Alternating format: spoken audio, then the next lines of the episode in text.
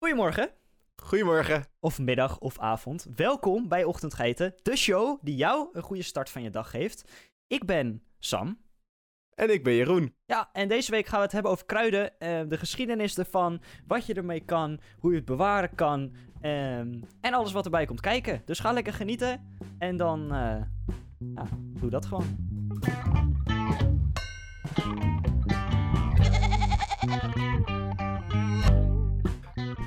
Zoals ik normaal altijd van start ga, gaan we lekker over de geschiedenis lullen. Want dat vind ik altijd interessant bij onderwerpen. Om lekker over de geschiedenis te praten, kom je altijd heel erg erachter waarom dingen zo zijn zoals ze zijn en waar ze vroeger voor gebruikt werden. Dat werkt, Ja, dat werkt voor eigenlijk bijna alles wat we tot nu toe besproken hebben. Werkt dat heel erg goed. Dus we gaan deze trend gewoon lekker doorzetten over de kruiden. Dus we gaan het lekker hebben over de geschiedenis van kruiden. De geschiedenis van kruiden gaat duizend jaar terug en is gekoppeld aan de ontwikkeling van geneeskunde, kookkunst, religie, spiritualiteit. Echt van alles en nog wat. Daar gaat Sam straks ook nog meer over vertellen. Ik ga nu even specifiek over de geschiedenis lullen. Eh, vanaf het begin van de beschaving werden kruiden eh, gebruikt voor hun ja, geneeskrachtige en smaakgevende eigenschappen. Later in deze aflevering zou ik ook nog meer ingaan op die geneeskracht van de kruiden. Maar ik wil me nu wat meer in gaan zoomen op de geschiedenis ervan. Zoals je inderdaad wel van mij gewend bent. Het begint ongeveer 84, verkeerd, 4800 jaar geleden. In het Chinese, eh, Chinese keizerrijk. Want de keizer Sheng Nung eh, stelt een boek samen van 365 geneeskruiden. Eh, ook in, het, in oude Egyptische tempels waren kruidencentra te vinden. Eh, dus het gaat echt wel flink, teru- eh, flink terug in de tijd. En daar werden allemaal onder het, eh, ja, onder het zingen van de liederen... eh, werden bepaalde heilige spreuken uitgeroepen over die kruiden... die ervoor zorgden dat, de dat het geneesmiddelen werden. Ook, eh, ja, ik heb helaas niet zo heel veel gevonden over de geschiedenis van de kruiden in deze tijd. Het werd vast heel vaak, eh, heel vaak gebruikt en op een hele goede manier gebruikt, maar ik heb er op dit moment geen informatie over. Ik heb er wel eh, veel informatie over van de Grieken, want de Grieken die waren eveneens ook bekend met de heilige werking van de kruiden. De Griekse arts Hippocrates, ook wel de vader van onze geneeskunde genoemd, gebruikte al 400 jaar voor Christus geneeskruiden.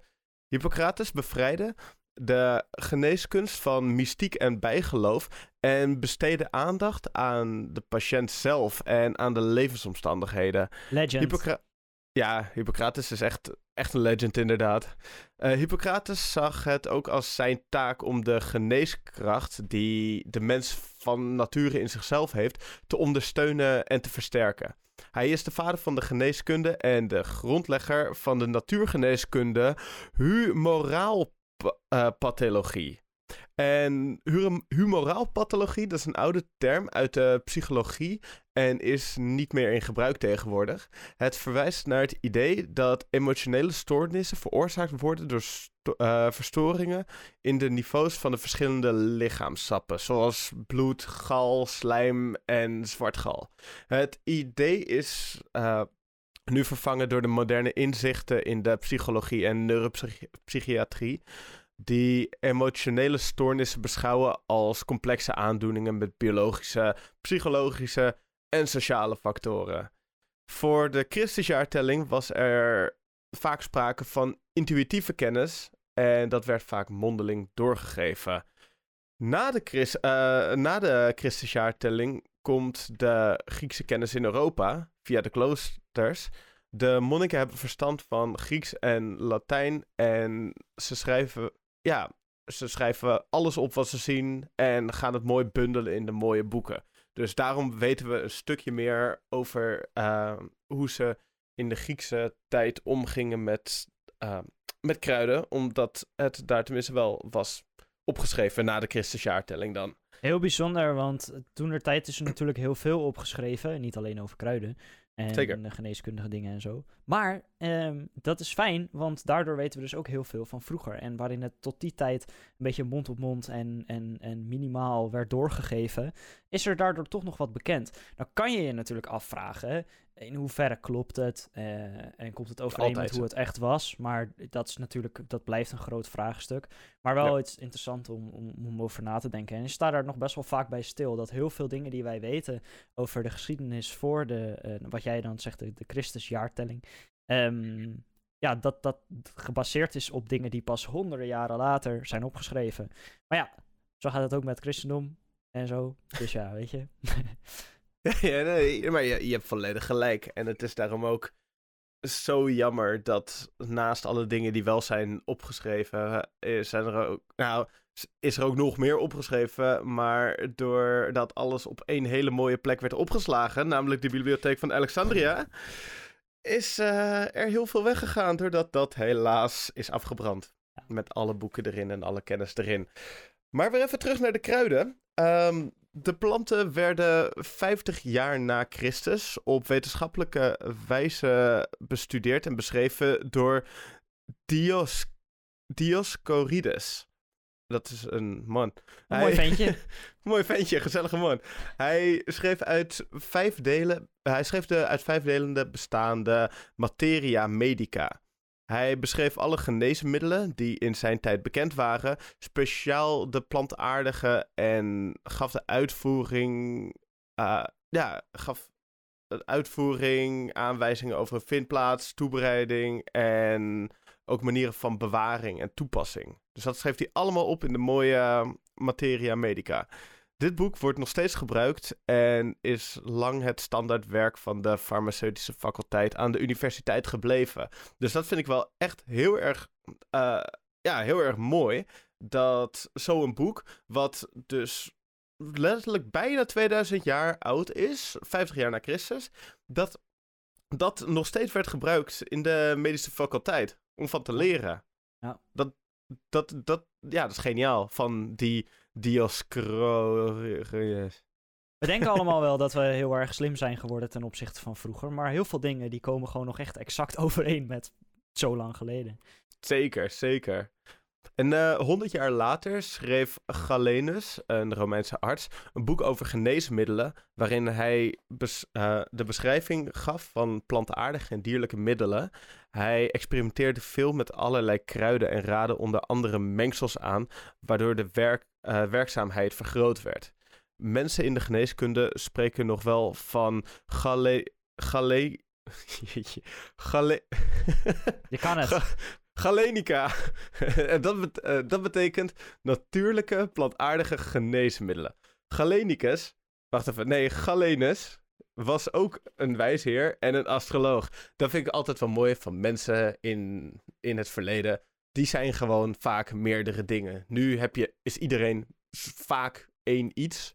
Maar geleerden van vroeger, die waren zowel astroloog als psycholoog als filosoof, als, van alles en nog wat. Vind ik altijd wel mooi. Maar dat is ook omdat ze niet verpest zijn door al het internet.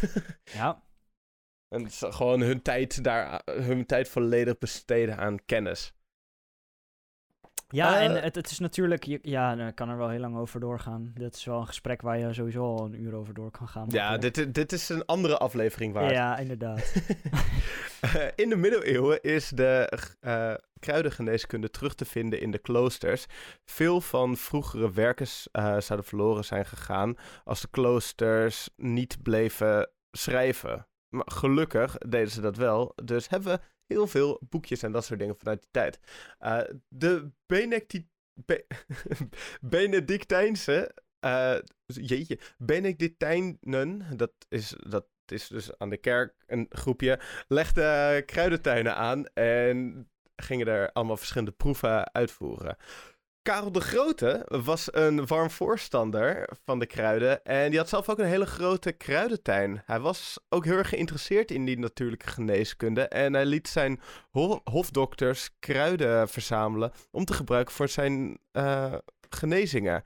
Hij was ook betrokken bij het verspreiden van kennis over de kruiden en geneeskunde, geneeskunde tijdens zijn bewind, waarbij hij ook eh, ja, bibliotheken en scho- scholen steunde eh, en kruidenspecialisten aantrok. En dit zorgde voor uiteindelijk verdere verspreiding en ontwikkeling van de kruidengeneeskunde in Europa. Ja, dus die man Karel de Grote, die had wel mooie dingetjes erbij gedaan. Heb jij er misschien wat toe te voegen, Sam? Ja, absoluut. Kijk, um, buiten het feit dat hij natuurlijk, uh, nou ja, wat jij net zegt, heeft hij gewoon een lijst samengesteld van vier, in totaal 74 verschillende kruiden. En die moesten in zijn tuinen worden geplant. En um, het verband tussen kruiden en gezondheid, dat is dus al heel, heel, heel, heel belangrijk in de Europese middeleeuwen. De form mm -hmm. of curie, uh, in dit geval kookkunst, uh, die, ja, die, die propageert, kan je bijna zeggen, een uitgebreid gebruik van kruiden, ook in salades, en claimt in zijn voorwoord, en ik quote, de instemming en het advies van de meesters in de geneeskunde en filosofie aan het hof van de koning. Um, dus ja, die, die Karel heeft uh, aardige stappen gezet in dat gebied. Ja, dat is een knappe Karel. Ja. Lekker hoor. En dan gaan we eventjes weer een, uh, weer een stapje maken in de geschiedenis. We gaan namelijk naar het jaar 15, ongeveer 1500, want daar leefde Paracelsus. En Paracelsus was een Duits-Zwitsers uh, medicus en filosoof. Hij probeerde de kruiden te analyseren en de werkzame delen te isoleren en die aan een mens te geven. Dit deed wel afbreuk aan het kruiden, uh, aan de kruid. Uh, toch heeft hij de kruidengeneeskunde verrijkt door zich bezig te houden met de signatuurleer. En signatuurleer, dat is het uiterlijk van de, dat de uiterlijk van de plant een hint zou geven uh, waar het kruid precies geschikt voor kon zijn. Hij ontdekte de ziel van de plant en legde verbanden tussen mens, dier, plant en kosmos. Uh, dat is een, en... een bijzondere om eraan toe te voegen. ja, Cosmos die valt een beetje buiten naar mijn idee. Maar alsnog, alles, alles is wel één geheel. Dus op zich. Eh, ja. Alles is van dezelfde materie opgebouwd. um, ja, dus hij is uh, de vader van de signatuurleer. Lekker man. Uh, beroemde kruidkundigen uit die tijd uh, waren ook waren bijvoorbeeld de hoogleraar Do. Sorry. Ik vind het een leuke naam. Dodo-neus. die... Oké, die, die in 1554... Sorry, maar Dodo-neus. Come on. Die in 1554 zijn beroemde boek schreef. Het Kruidboek. Lekker man. Uh, Nicolas Culpeper kwam uit Engeland en schreef in 1653 ook een bekend boek de complete herbal. Sorry. Ik ga stuk. Of de, nee, de complete herbal, laat maar. uh, man, man, man. Sorry. Uh, de kennis over kruid werd ja, nog steeds verder uitbreid. In de 18e eeuw slaagde men al meer om stoffen uit de kruiden te halen. Denk maar eens aan een aspirine bijvoorbeeld. Uh, een element van dit product wordt uit een wil gehaald. Dus ja, dat is inderdaad het eruit halen van de kruiden. Lekker man. Uh, zo kwam de kruidgeneeskunde op de achtergrond. Het was uh, de tijd na de renaissance. Dus het was een opmars van uh, wetenschap en technologie. En ja, het was de tijd van de erf... Er, jeetje, erf... Ik, sommige woorden... Er, erfelijkheidsleer van Mendel. En, en natuurlijk de microscoop van Leeuwenhoek. Antonie van Leeuwenhoek, onze grote held voor de, uh, voor de bi biologische wereld.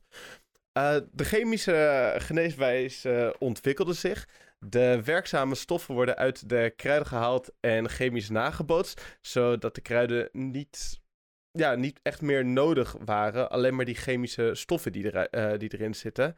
Het volle licht viel nu op de chemische geneesmiddelen. De Franse arts Henri Leclerc, die leefde rond de eeuwwisseling van 1900, ontwierp de kruidengeneeskunde aan, uh, aan een wetenschappelijk onderzoek.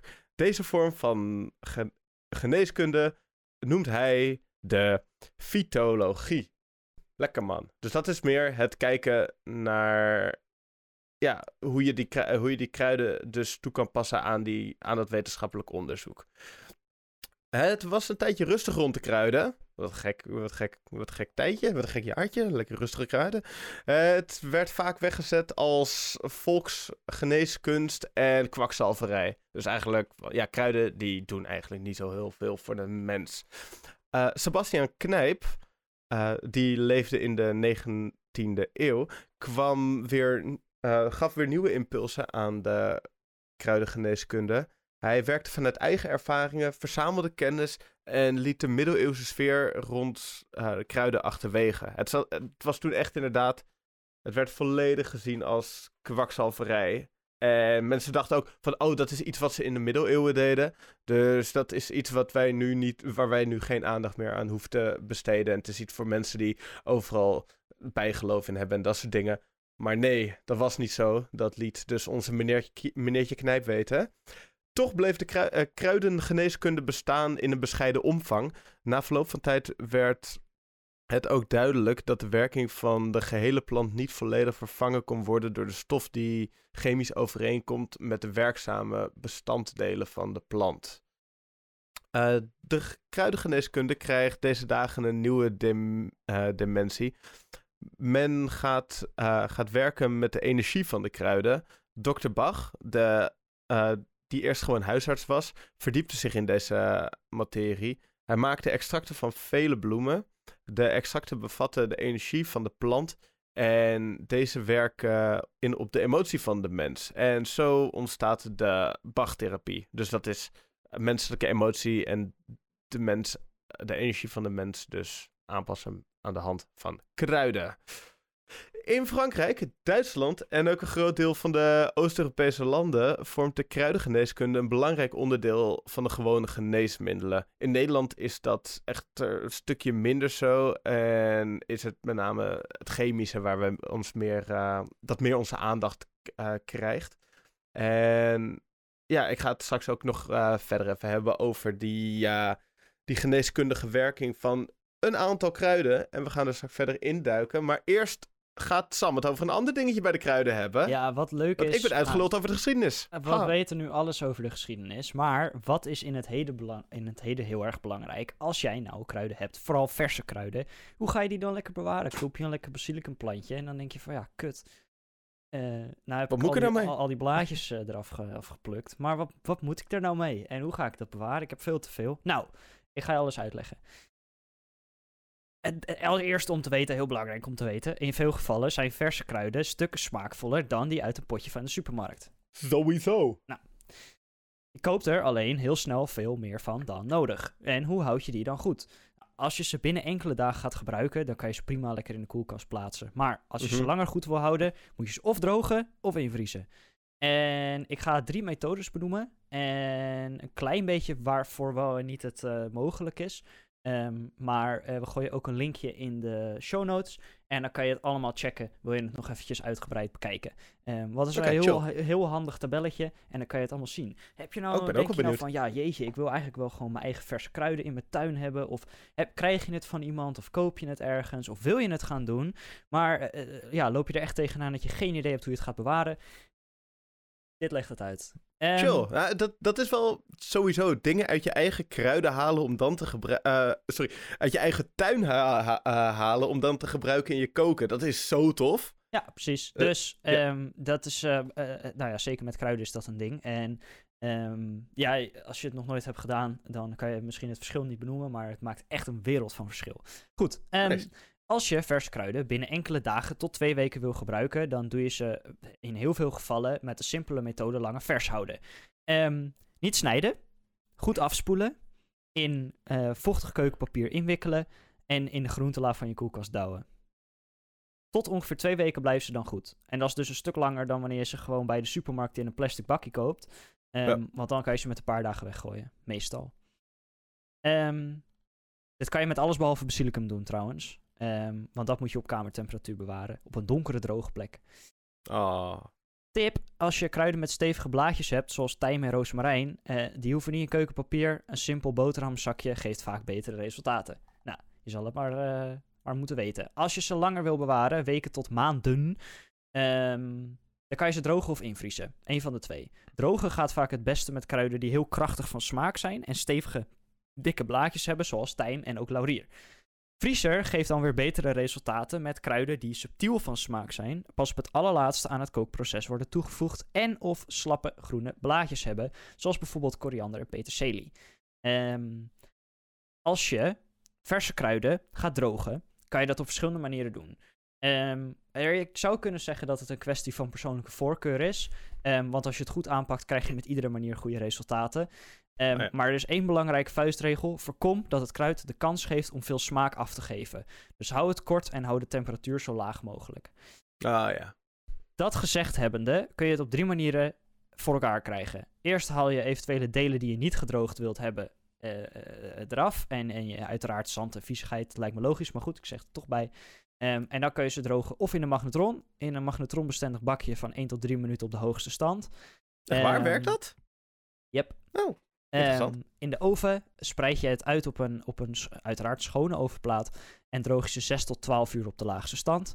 Ehm, of in de buitenlucht of boven de verwarming. Hang de kruiden op of leg ze op een schoon bord buiten het bereik van uiteraard huisdieren of kinderen. En laat ze 1 tot 2 weken aan de lucht drogen. Eh, voorkom direct zonlicht, eh, dat is funest voor de smaak. Al droogt het wel effectief, is het gewoon echt, eh, dat kan je net zo goed niet doen. Ehm, bij elke methode geldt, knisperig is droog.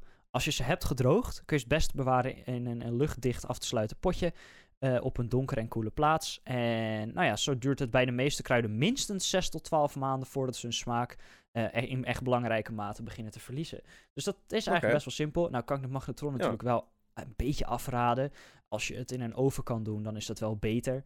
Ehm, maar zoals Ja, maar Zoals waar- ik- waar- waarom eigenlijk? Wa- waarom raad je de magnetron af? Omdat het eh magnetrongolven eh, celstructuren kapot maken. Ja, oké.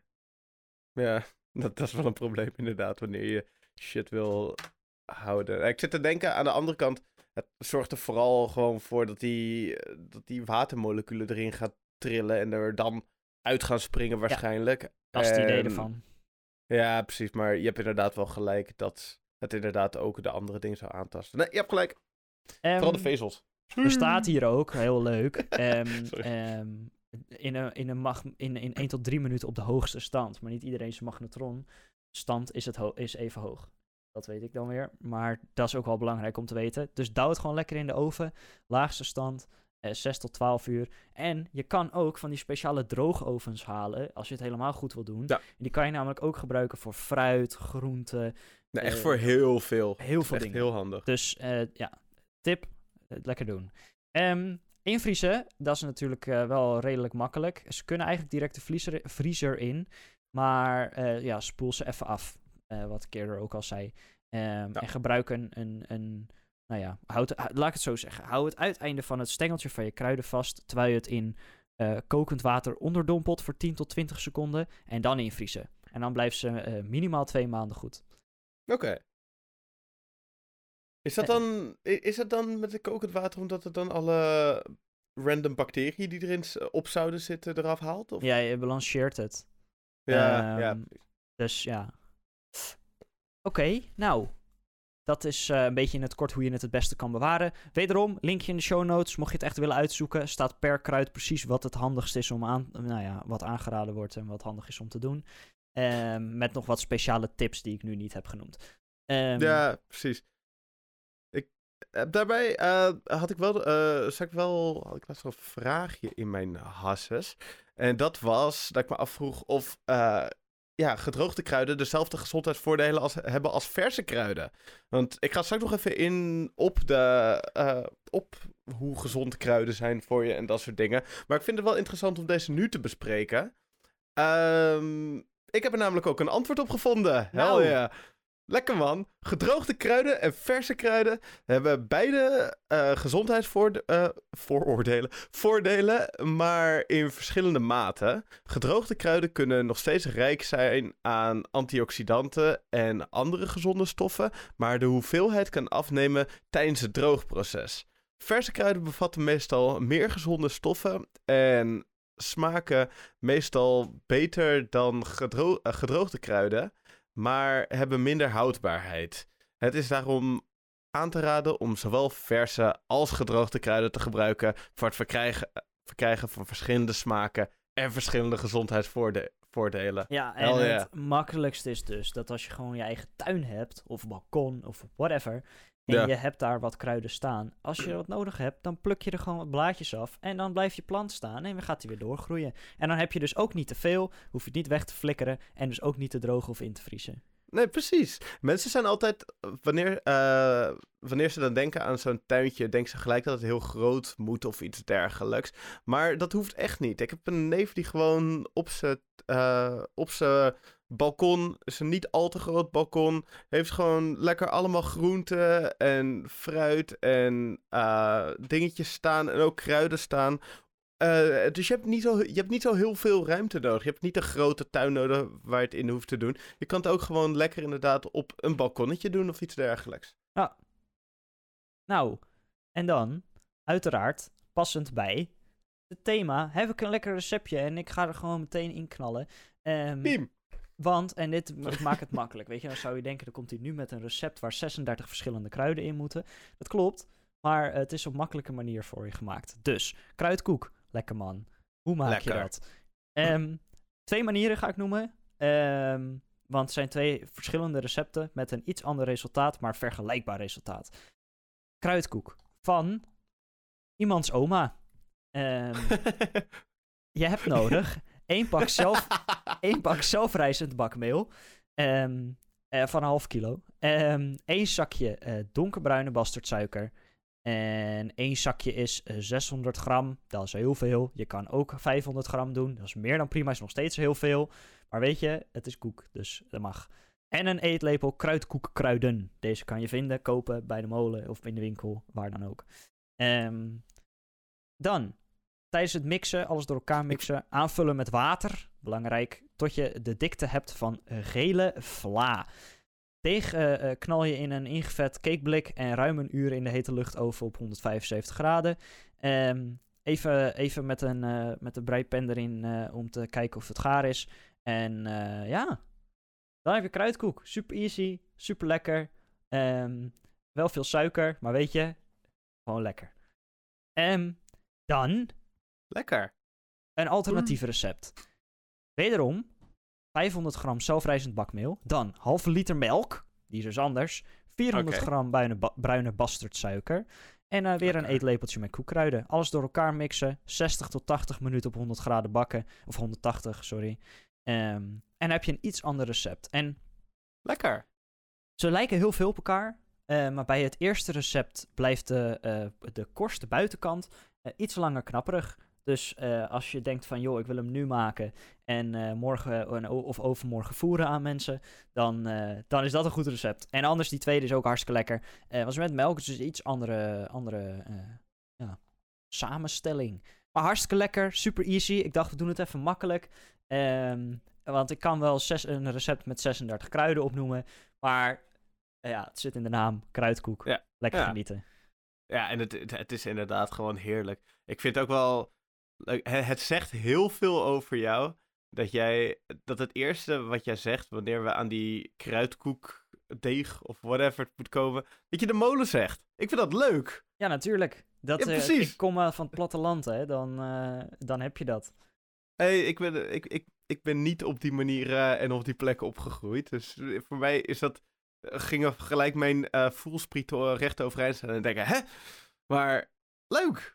Vind ik leuk. Ja, tuurlijk. Ik ging vroeger altijd eh, met mijn oma eh, eh, en mijn opa achter op de fiets naar de molen. En dan gingen we meel halen en eh, van alles. Ja hoor. Ja, perfect is Ik weet nog, eh, ik heb een tijdje, eh, toen ik nog een eh, mountainbike had, heb ik een tijdje heel veel kilometers gefietst. Ging ik ook altijd even langs de molen. En ik deed er niks, maar ging wel altijd even kijken. Ging even een beetje lopen. En dan gaan er Echt waar? mensen. Ja, ja, tuurlijk. Waarom niet? Oh, wat leuk. Ja, eh, eh, was het ook een best wel rustige plek of zo? Dat je daar gewoon even omheen kon wandelen of zo? Ja, het is een heel, hele bekende plek hier in de omgeving. Heel veel mensen gaan erheen om meel te halen en dat soort dingen. Oh, wat leuk. Ja. Nou, dat eh, kan ik mij niet voor... Zeg maar, ik, ik zou het me willen kunnen voorstellen. Maar ik ben zo in het... Ja, dan niet... Ik, ik woon niet echt in de stad. Maar ik ben zo erg daar in de buurt dat...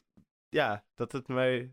Het, het triggert iets. En Er het is een, een, positieve eh, trigger. Er zit een tramstation eh, naast jouw huis. Ja, en die gaat de stad in. Ja.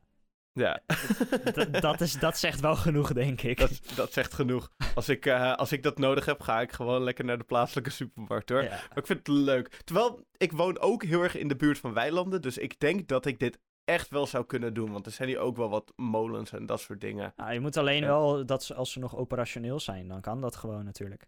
Wel lekker doen, is leuk. leuk. Altijd leuke interacties met mensen die bij molens werken. Dat, zijn echt, dat is het beste deel ervan. Ik heb een speurtocht voor mezelf gevonden. Leuk, leuk, leuk. Kijk, zo leren we allemaal. Dus heb jij een molen in de buurt, of we- denk je dat je een molen in de buurt hebt, ga een keertje Of heb je-. Of heb, je, heb jij een molen? Steun. Nodig ons uit. Ja, dat al helemaal. Steun, steun je lokale molen. Hell yeah. Lekker man. Stuur ons een berichtje op, eh, op Instagram wanneer je een molen hebt. Lekker man. Oké. ehm, na mogen, we, het... mogen we hem lenen, weet je wel? Even molen. Ja, weet je hoe leuk dat zou zijn? Een, een opname in een molen. Ben je wel eens in een werkende molen geweest te doen? Ja, ja, ja. ja. Ah, oké, oké, oké. Het, het, is, het, is niet, het is niet zo'n ver van mijn bedshow. Zo klinkt het misschien Ja. op dit moment wel een beetje. Ja, Maar ik ben vaker in molens geweest. Ik vind molens ook heel erg mooi en leuk. En ik, ik, vind wel, ik weet ook precies hoe ze werken en hoe ze meel gaan maken en zo. Met dat ding wat zo ronddraait, doordat eh wind er tegenaan gaat. Ik, ik ben mezelf echt nu in een raar hoekje aan het lullen. Ja, Ik ga het hebben over geneeskrachtige kruiden. ja, lekker man. Lekker man. Eh, nou, ik wil ja, voor de voor ons doodnormale kruiden opnoemen, waarbij ja, die wel wat gez- eh, gezondheidsvoordelen hebben. En waar we eigenlijk, tenminste, waar ik heel weinig van af wist en waar heel veel volgens mij weinig van af wisten, maar waarvoor het allemaal, waarvoor het allemaal goed is voor je lichaam. Nou, dan leren we wat. Precies. En dat is nummertje 1 is koriander. Door sommige mensen gehaat, door sommige mensen geliefd. Maar gezond voor je is het zeker. Want het heeft een waslijst aan gezondheidsvoordelen. Ik wilde de hele tijd gezondheidsvooroordelen zeggen, maar dat doe slaat eens helemaal nergens op. Nee, precies. Even niet doen. Eh, zo is het rijk aan immuniteit eh, antioxidanten die de kop indrukken van schadelijke stoffen. Het is een krachtige ontgifter. Daarnaast kan het infecties bestrijden, je hart- en hersengezondheid boosten. Bevat het een dosis eh, vitamine A, B, C, E en K. En is het rijk aan ijzer en magnesium en het zorgt voor een stabiele bloedsuikerspiegel. Dus ben jij wel eens aan het rommelen met je bloedsuikerspiegel? Ga dan lekker koriander kauwen. Dat is een lange lijst. Ja, het is heel veel, man. Supergrote waslijst. Nu gaan we van de koriander gaan we gelijk door naar de basilicum. Zeg je waslijst omdat sommige mensen het naar zeep vinden smaken? Of vinden dat het voor sommige Eh. mensen naar zeep smaakt? Ja, dat is echt, dat, dat is echt waarom ik dat zei. Oké. Inderdaad. Ehm, daarnaast basilicum. Basilicum gebruik ik zelf heel vaak in het eten. Vind ik heel erg lekker. Ehm, het geeft vaak ook echt die extra touch aan, het, eh, aan een gerecht. Maar dat is niet als enige. Het blijkt namelijk ook nog eh, je zenuwstelsel te ontspannen, je humeur op te peppen en je spijsvertering positief te beïnvloeden. Dus heb je een opgeblazen buik omdat je net iets te veel gegeten hebt, dan ja, is het gewoon het advies dat je het best even een kopje basilicum thee kan drinken. Eh, daarmee help je je eten beter te verteren en hoef jij minder hard uit te buiken. Wat een luxe. Zeker, maar ook vooral het, het humeur oppeppen en zenuwstelsel ons. Ja, lekker man. Ja, daar Heel we chill. van. Zeker. Eh, nu gaan we door naar Dilla. Lekker man. we gaan echt bij, elk, bij elke ga ik lekker man zeggen, maar dat hoort erbij. Als je iets in de herfst en winter beter veel van binnen wil krijgen, dan is het wel vitamine C. Want oh, vitamine C, dat is zo lekker en belangrijk. Dit is, nou, eh, dit is ook een van de vitamines die ervoor zorgt dat jouw immuunsysteem lekker blij, eh, blij, blij blijft. blij blijft. Oké. Eh, dille zit vol met essentiële vitamine. Daarna, daarnaast is het woestwerend, antibacterieel en helpt het bij spijsverteringsproblemen. Wa- wacht even. Stapje terug. Woestwerend. Ja, je wordt er blij van. Minder woest. Jezus, wat een woord zeg. Ik was Ja, ik was volledig aan het lullen, bro. Sorry. Ik hoestwe hoestwerend. Oh, Oké, oké. Dat is wat logischer. Ja, fair enough. Dus je, je moet er minder van hoesten. Nou, helemaal goed. Dat, dat is ook fijn. Eh, oh ja, en gebruik je de zaden van dille, dan ben je ook in no time in slaap gewiegd. Het is dus ook, de zaden van dille zijn lekker om in slaap van te komen. En er is ook een winkelketen. En die- met de naam Dille en... Camille. Precies, we gaan het over kamille hebben. Lekker man. Kamillethee wordt vaak eh, aanbevolen bij verkoudheid en griep, omdat het een aantal gezondheidsvoordelen heeft. Het bevat actieve componenten die kalmerend en ontstekingsremmend kunnen werken, wat bij het verlichten van symptomen zoals hoofdpijn, spierpijn en stress supergoed werken. Eh, bovendien ka- kan kamille ook helpen bij het verbeteren van je slaap, het verminderen van angst en het verlichten van ongemakken zoals maagklachten. Ik weet ook inderdaad, wanneer je last hebt van je buik of zo, eh, neem een beetje kamillethee, dat is heel erg lekker. En kamille zit ook vaak in van die goede nachtrustthee en zo, om toch lekker een beetje jezelf wat makkelijker in slaap te sussen. Nou, Nice. dan, eh, lekker man. Gaan we voor naar de volgende. Peterselie. Lekker man. Eh, Oké, nu begin ik een beetje te overusen. Het spijt me. Als we het hebben over geneeskrachtige kruiden, dan mag ook zeker de peterselie niet vergeten worden. Want wat blijkt, het is een natuurlijke detox voor je nieren. Het is daarbij rijk aan mineralen, beta-carotene, eh, wat goed is voor je immuunsysteem en waarvan je sterke botten krijgt. En vitamine C, onze grote lieve immuunbooster. Eh, vooral die laatste is wanneer het koud en regenachtig weer is, zoals nu wel een beetje, dan ja, kan het helpen om actief virussen die je lichaam binnengedrongen zijn af te remmen of zelfs kapot te maken. Dus heb jij een vervelend virus bij je? Ga lekker peterselie eten, jongen. En daarna gaan we naar de volgende. Munt. Lekker man.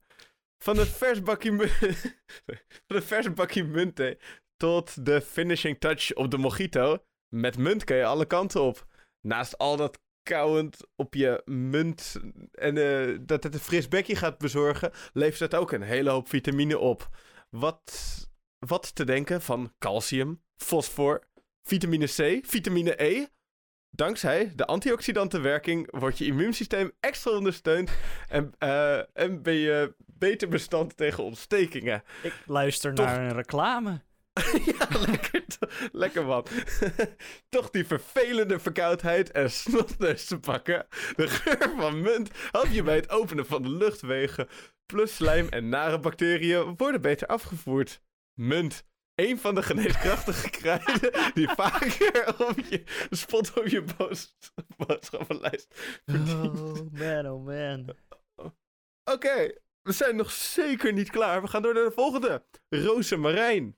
Geef je energieniveau een oppepper met rozemarijn. Wederop een goede antioxidant die je regelmatig kan nemen. Die je spijsvertering ten goede komt. Je humeur oppept. Je creativiteit versterkt. En je bloedsomloop stimuleert. En het helpt ook nog beter om je vetten te verteren. Dus alleen maar goede dingen, man, van die rozemarijn. Ik vind vooral dat dingetje creativiteit versterkt, vind ik wel een hele interessante. Doet waarschijnlijk iets met je brein. Ja. Ja, nou, dan gaan we gelijk door naar de laatste, maar eh, last but not least, oregano. Lekker man. We sluiten af met de hele bijzondere oregano. Eh, dit keukenkruid zit boordevol antioxidanten. Lekker man. En juist die, je, ja, die wil je er tijdens deze maandjes nog even extra bij hebben. Deze lekkere oregano en die lekkere antioxidanten. Eh, ze zorgen namelijk voor dat de schadelijke stoffen die in je lichaam zitten lekker weggaan. En be- beschermen, net zoals een aantal van de eerder, eerder genoemde makkers, tegen allerlei ziekten. Het mag zelfs worden bestempeld als een zeer krachtig antibiotica, dankzij zijn sterke antioxidanten. Eh, met dit kruidengroetje maken schimmels, virussen en bacteriën geen schijn van kans. Sommigen bestempelen oregano zelfs als het wondermiddel voor je immuunsysteem. Dus ja, oregano, goede dingen. Kan je vooral voor een jammer immuunsysteem kan dat gewoon heel. Of jammer, gewoon voor een immuunsysteem in zijn algemeenheid. Kan ervoor zorgen dat je met oregano lekker al die virussen, bacteriën schimmels lekker naar buiten kan uh, sodemieteren. Daarnaast bevat het ook nog uh, onder meer vitamine E, vitamine K, mineralen, ijzer, calcium en vezels. Zo is het kalmerend en helpt tegen ontstekingen, tegen maagkrampen, tegen depressies, angsttoestanden, uh, migraine, astma en een lage bloeddruk. En de lijst is nog veel langer van kruiden die dit allemaal, die al deze dingen doen. Uh, doen. Maar ja, ik heb een paar kruiden uh, genoemd nu die de meeste mensen wel in huis hebben. En dit eten kan dus heel erg helpen aan je gezondheid. Dus denk niet alleen maar aan kruid als een smaak, uh, smaaktoevoeging. Um, maar ook gewoon aan iets voor je gezondheid. Dan word je nog blijer met die kruiden die jij kan vinden op jouw keukentafel of in jouw keukenkastje. Ja, en er zijn nog veel meer toepassingen voor kruiden. Um, en ik ga gewoon een volledige lijst af, want um, we hebben al het een en ander benoemd. Maar ik ga er toch nog eventjes overheen en doorheen, zodat je het goed onthoudt. Want dat is belangrijk, want dit is echt nuttig voor in je hoofdje. Um, Lekker dan. En ik ga gewoon de toepassing benoemen en dan uh, een beetje wat voorbeelden. Dus nou, culinaire kruiden, uiteraard, die kennen we het meeste. Onderscheiden zich van groenten, dat is belangrijk om te weten. Uh, doordat ze, net als specerijen, in kleine hoeveelheden worden gebruikt en eerder smaak dan substantie geven aan voedsel. Nou, had ze thee. Heb je in ieder geval een ja. beetje een algemene definitie in je hersens zitten. Um, Precies. Kruiden kunnen vaste planten zijn, zoals uiteraard tijm, salie, lavendel, um, uh, tweejarige zoals peterselie of eenjarige zoals basilicum. Meerjarige kruiden kunnen struiken zijn zoals rozemarijn of bomen zoals laurier. Um, dit in tegenstelling tot botanische kruiden, die per definitie geen houtachtige planten kunnen zijn.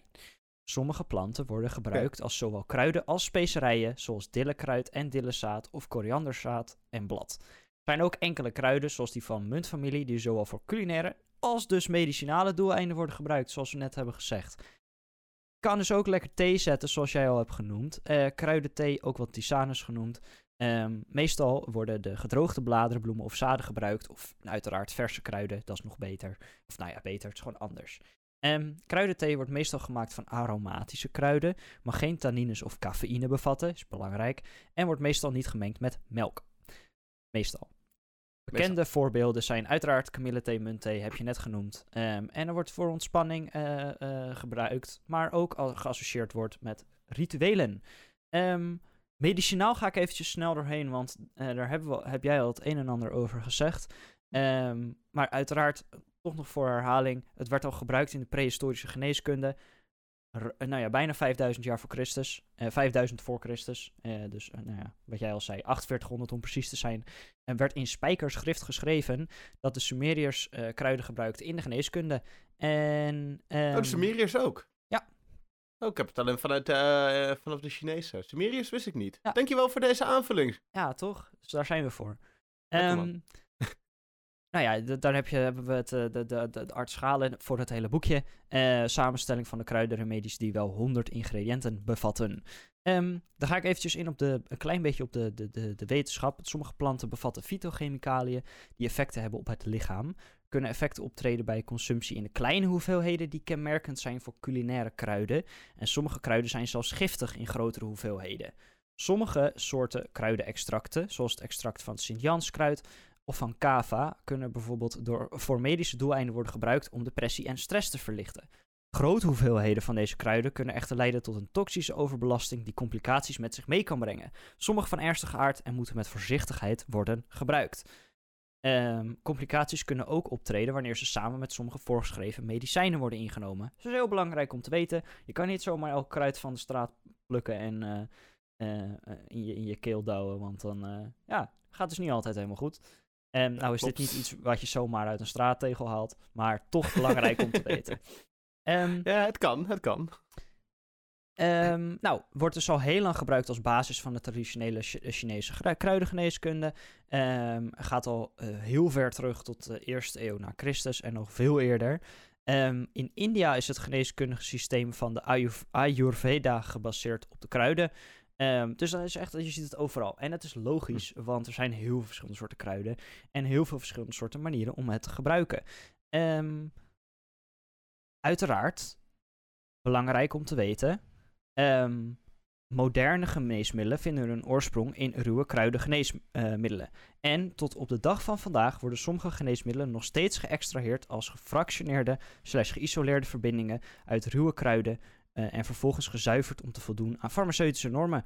Dus dat is gewoon belangrijk. Het wordt niet allemaal synthetisch in een lapje gemaakt. Sommige dingen komen ook gewoon uit de moestuin, kruidentuin. Lekker man, Ehm, zeker.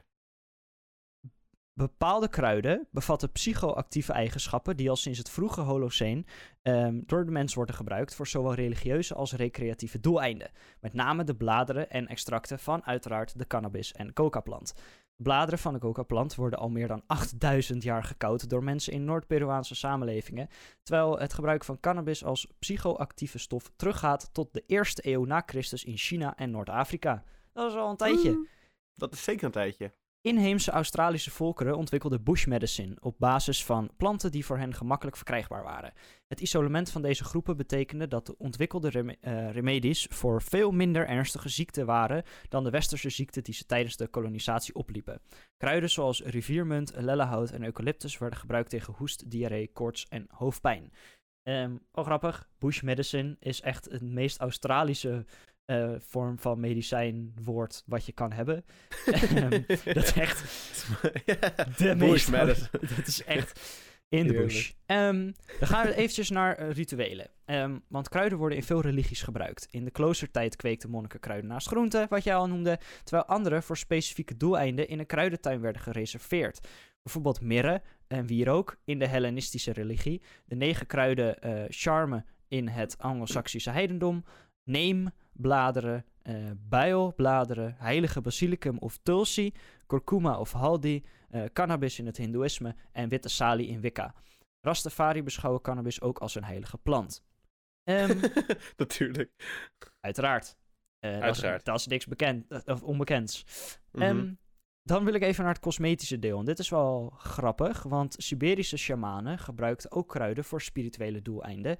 Planten kunnen worden gebruikt om spirituele ervaringen op te wekken voor overgangsrituelen, zoals vision quests in sommige Indiase culturen. Ehm, de Cherokee gebruiken zowel witte salie als ceder voor spirituele reiniging en smudging. Oftewel, eh, nou ja, dat is ook een soort reiniging, maar dan net even wat anders. Ehm, wel grappig. Sp- plant, ja ik, ja, ik weet niet. Ik vind dat gewoon leuk. Eh, dan gaan ze gewoon lekker in een rondje zitten en, eh, en eh, met een vrede, vredespijp gewoon, eh, ehm, ja, even een spirituele ervaring delen. Lekker man. Eh, dat do- doet de westerse wereld ook wel eens, maar dan op een andere manier. Zeker. Ehm, Zeker. Oorspronkelijk bestond er in oude samenlevingen, vooral in het sceptische medium van de westerse tradities, altijd twijfel over de werkzaamheid van kruidengeneesmiddelen.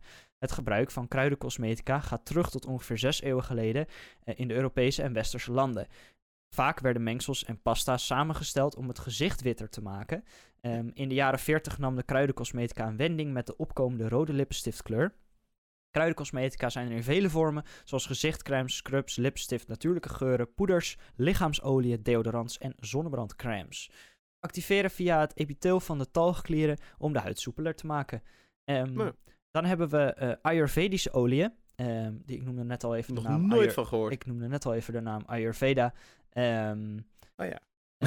uit India. Oh ja. Ehm, die de die worden, die worden veel gebruikt in India, gewaardeerd om hun natuurlijke gezondheidsbevorderende eigenschappen.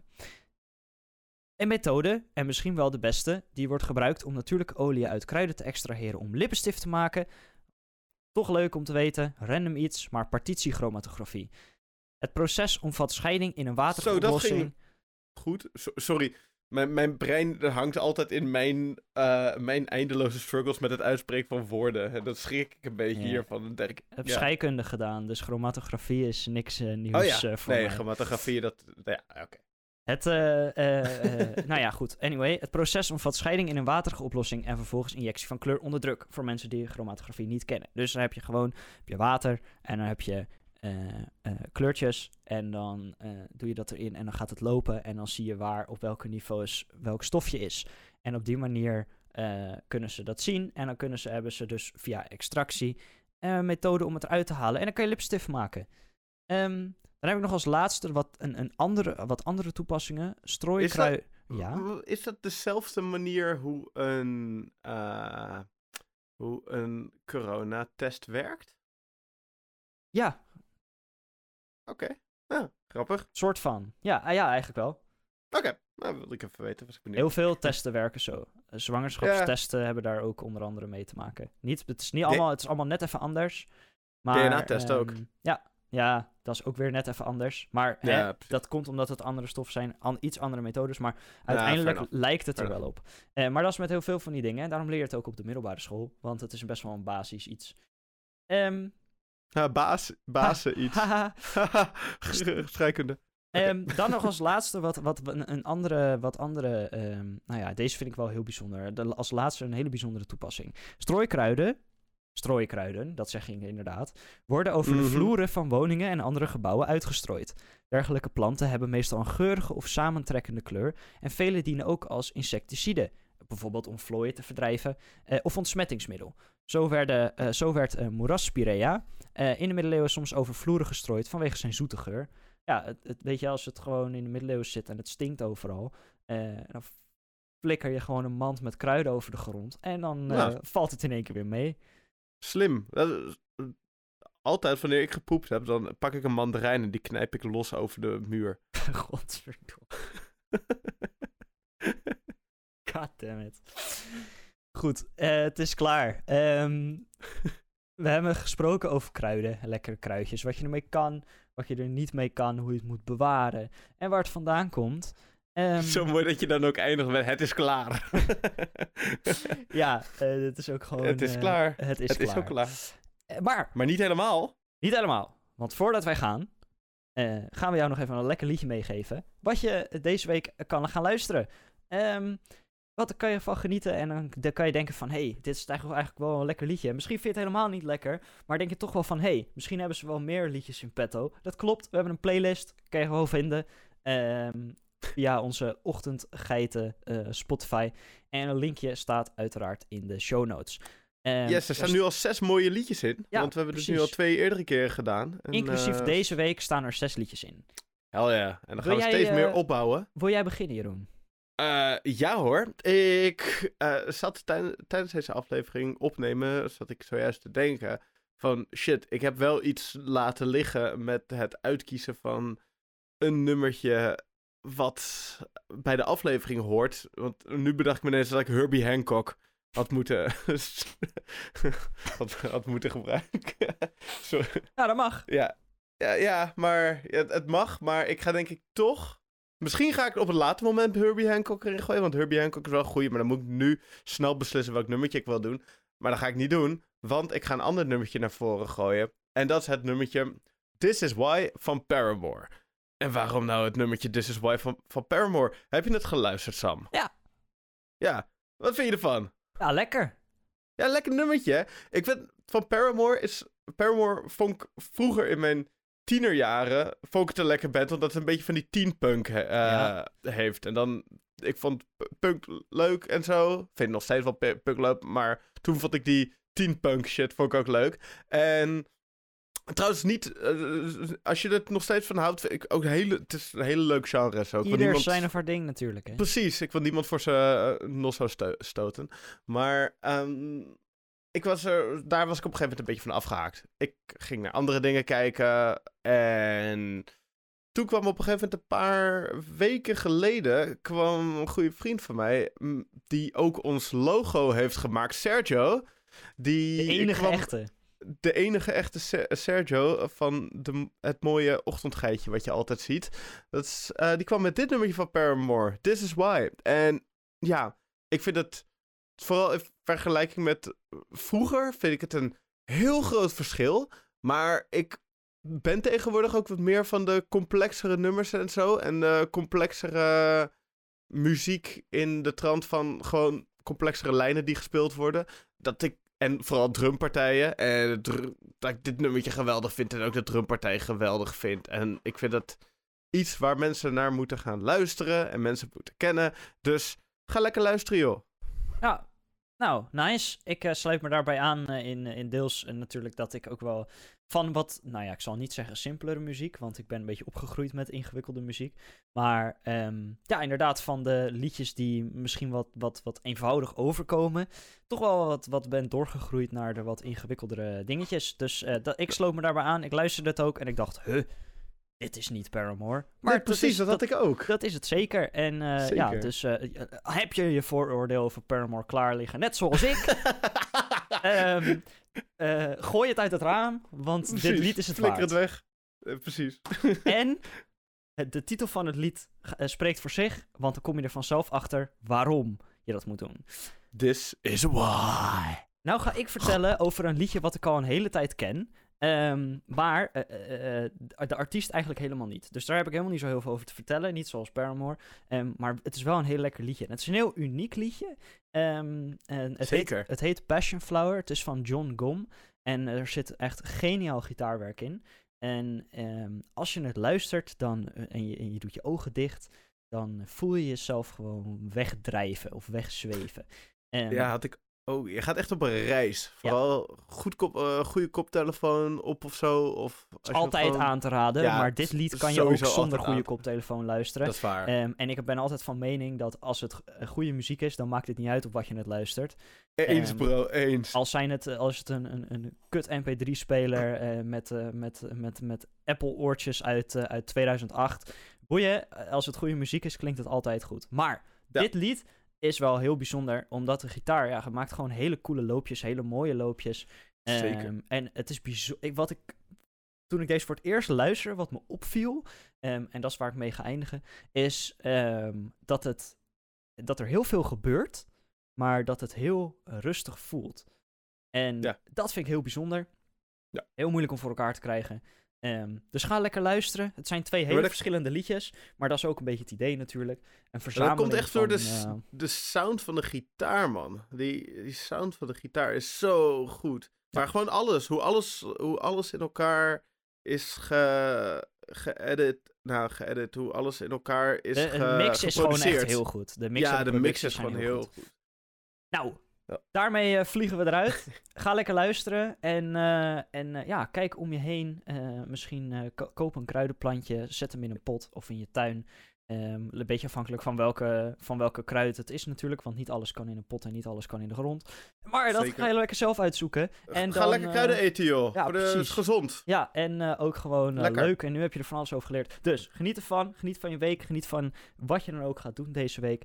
Um, en vandaag en de rest van het jaar natuurlijk. En um, ja, ga lekker de liedjes luisteren. Check de playlist. Check onze Instagram voor goede memes. En dan zien we je volgende week. Houdoe.